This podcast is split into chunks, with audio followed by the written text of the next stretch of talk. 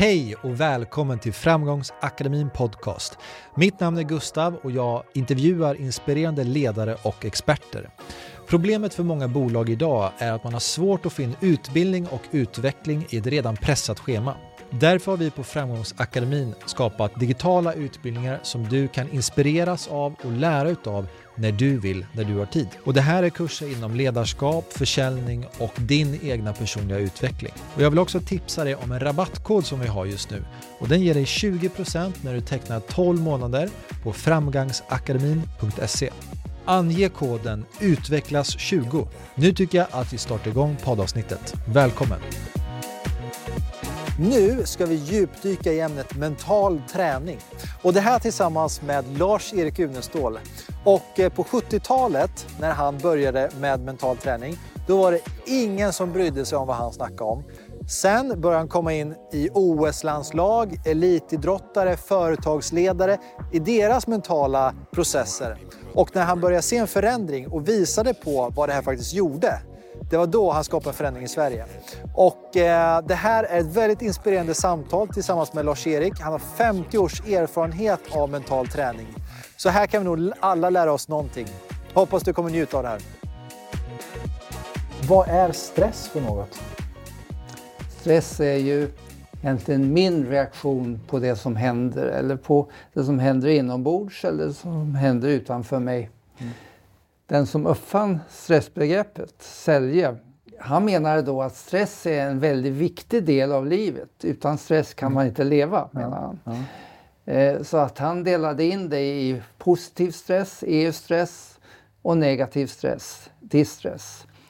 Det som händer i samband med, med stress det är ju att um, man blir aktiverad mm. på olika sätt. Det händer en rad saker i kroppen. Och eh, om man till exempel tar eh, en fotbollsmatch så är det väldigt viktigt då att när man går in på plan att man får en stressreaktion som varar under matchen. Därför att då händer en rad saker i kroppen. Det flyttas om från de naturliga funktionerna med matsmältning och annat som vi behöver till beredskapsfunktioner. Så man kan kalla stress för en beredskapsfunktion. Adrenalin avsöndras, blodsocker till musklerna och så vidare. Så att man gör sig beredd på att fungera bra. Det är därför man talar om kamp och flyktreaktioner också i negativ riktning. Då att gäller att kämpa mot någon fara eller gäller att fly ifrån en fara. Sen är det viktiga att man återgår till de naturliga funktionerna. Om man har stressfaktorer och stressorer som kommer varje dag och kanske större delen av dagen kommer ju kroppen ta stryk ganska snabbt. Och då går det över i negativ stress eh, och så småningom så klarar kroppen inte av det utan man går i väggen, eh, får en utmattningsdepression och blir sjukskriven och så. så en viktig del i det här med positiv eller negativ stress det är återställningen. Det vi kallar återhämtning idag. Till exempel på Karolinska där man har tittat en hel del på hur mycket klarar man av av påfrestningar och har visat att egentligen kan man träna hur hårt som helst och man kan arbeta hur hårt som helst utan några problem om man får tillräckligt med återhämtning. Men får man inte den här återställningen, återhämtningen, då kommer man gå i vägen ganska snabbt även med en mindre mängd ja, just påfrestningar. Ja.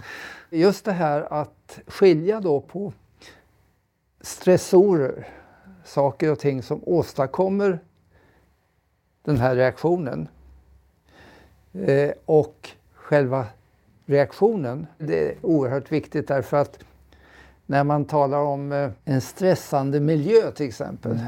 En stressande arbetsplats, så kan man inte göra det egentligen. Mm. Det är inte arbetsplatsen som åstadkommer stressen, utan det är min reaktion på arbetsplatsen.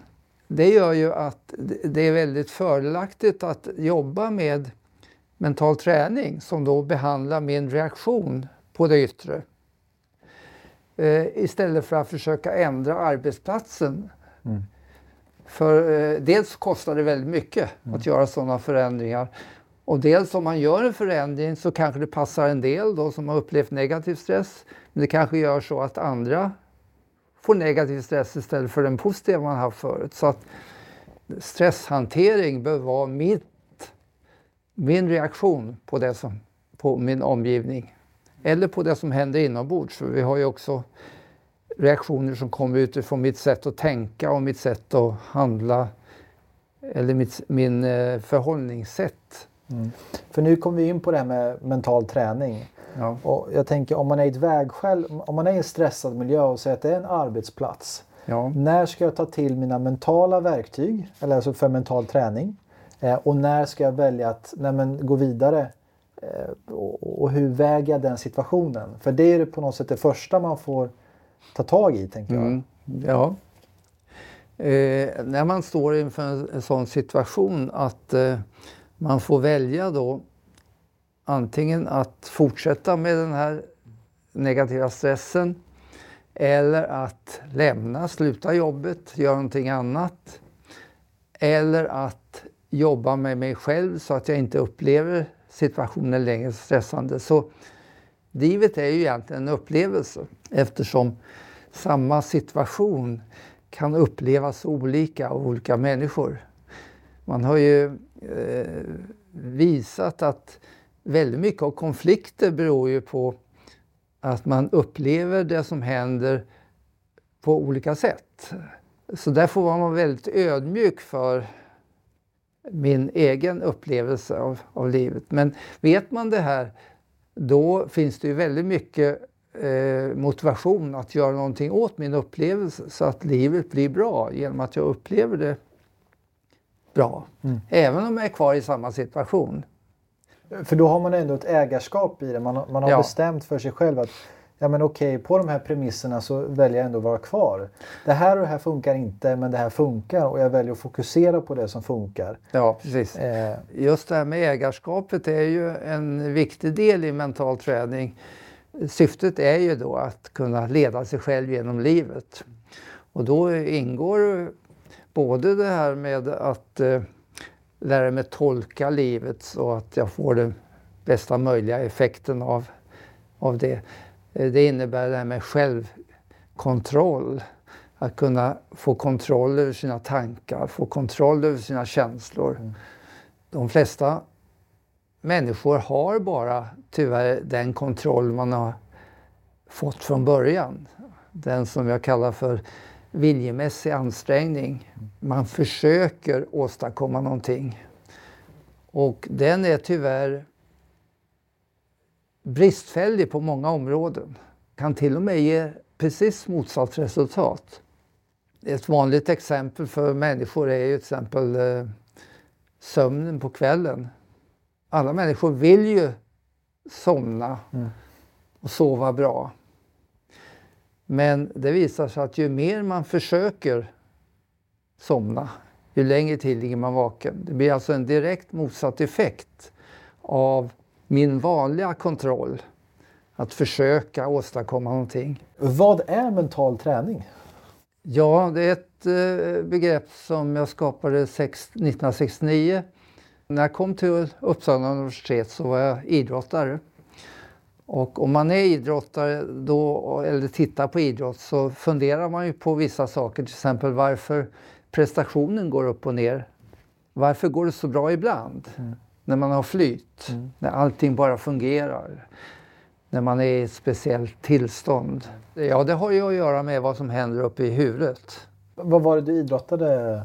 Jag höll på med både friidrott och med eh, fotboll och ja. basket. Och mm. så. Mm. När jag började jobba med, med eh, eh landslagen sen eh, 1970 framåt, då var, första gången jag träffade dem så frågade jag just samma sak.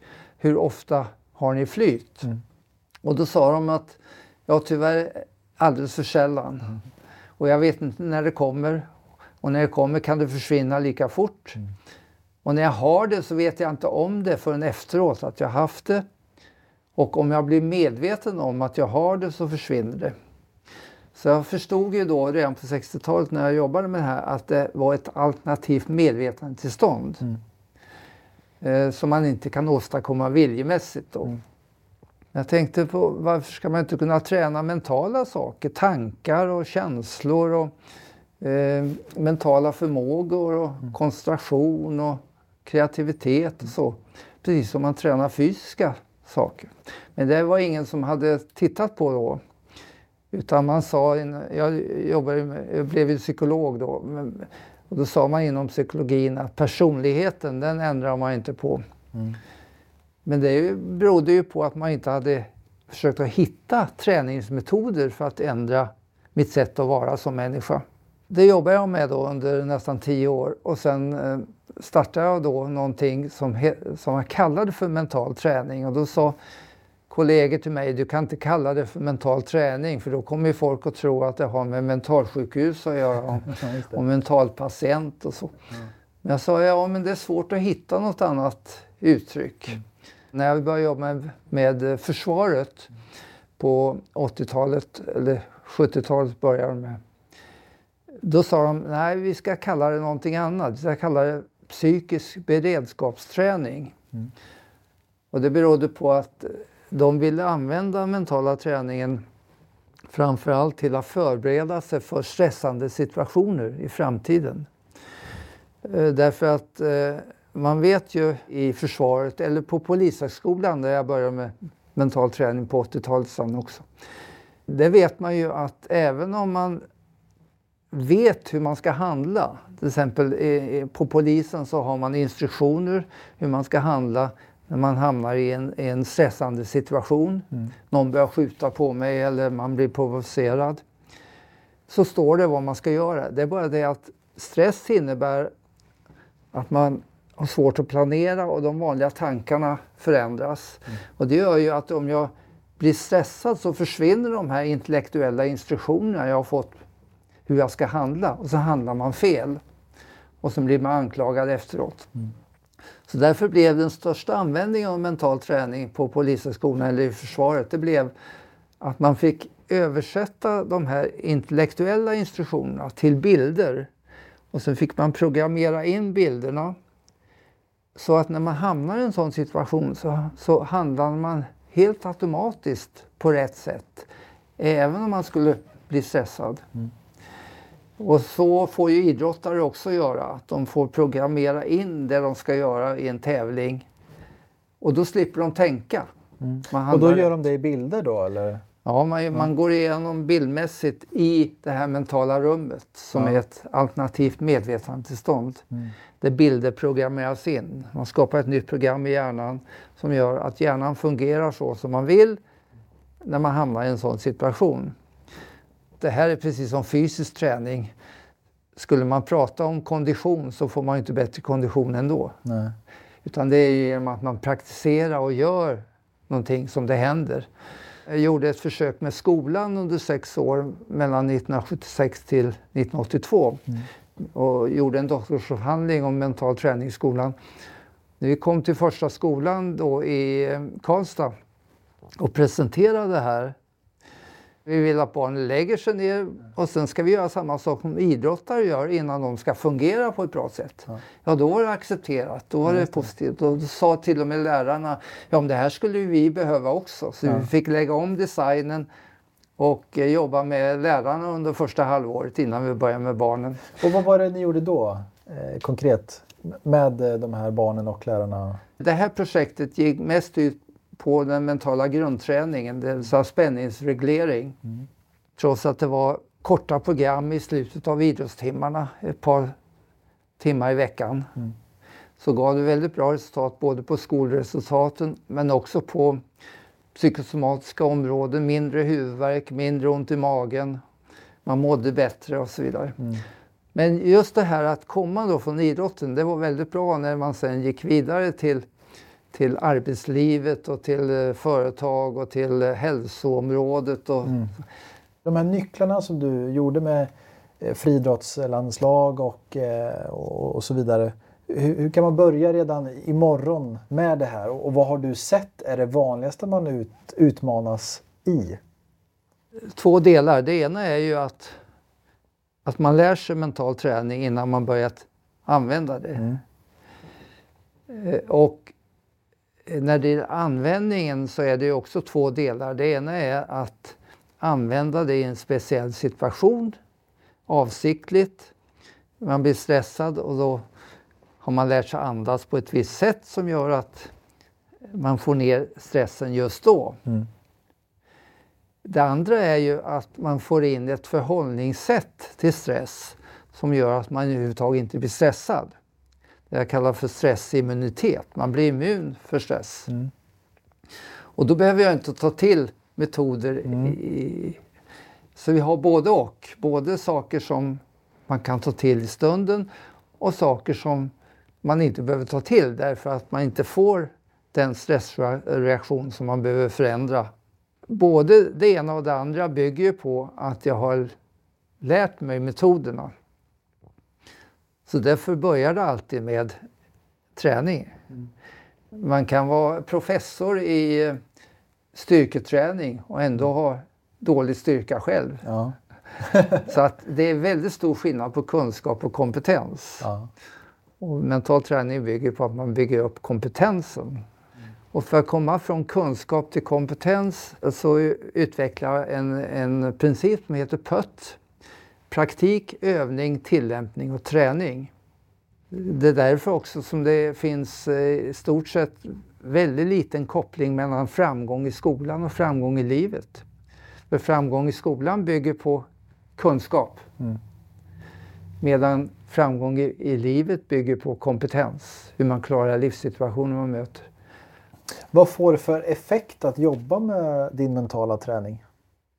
Det är ju framförallt två områden man kan se effekter på. Det ena är hur jag fungerar, presterar, ena. Och det andra är hur jag mår. Även för en arbetsgivare så är det ju viktigt eh, båda delarna. Mm. Därför att eh, fungerar jag bättre har arbetsgivaren nytta av det. Mm. Även om jag mår bättre. Vi har sett att sjukskrivningarna till exempel minskar.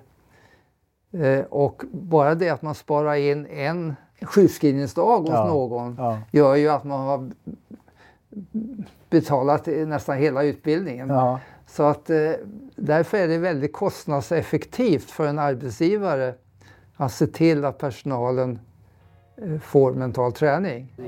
Spännande. Mm. Tack för att du kom hit. Va, är du redan klar? Nej, ja, eh, vi bara... Stort tack för att du valde att lägga din tid på att lyssna på det här poddavsnittet. Och jag vill tipsa dig om att du fortfarande har 20% rabatt på framgangsakademin.se. Ha en fortsatt härlig dag.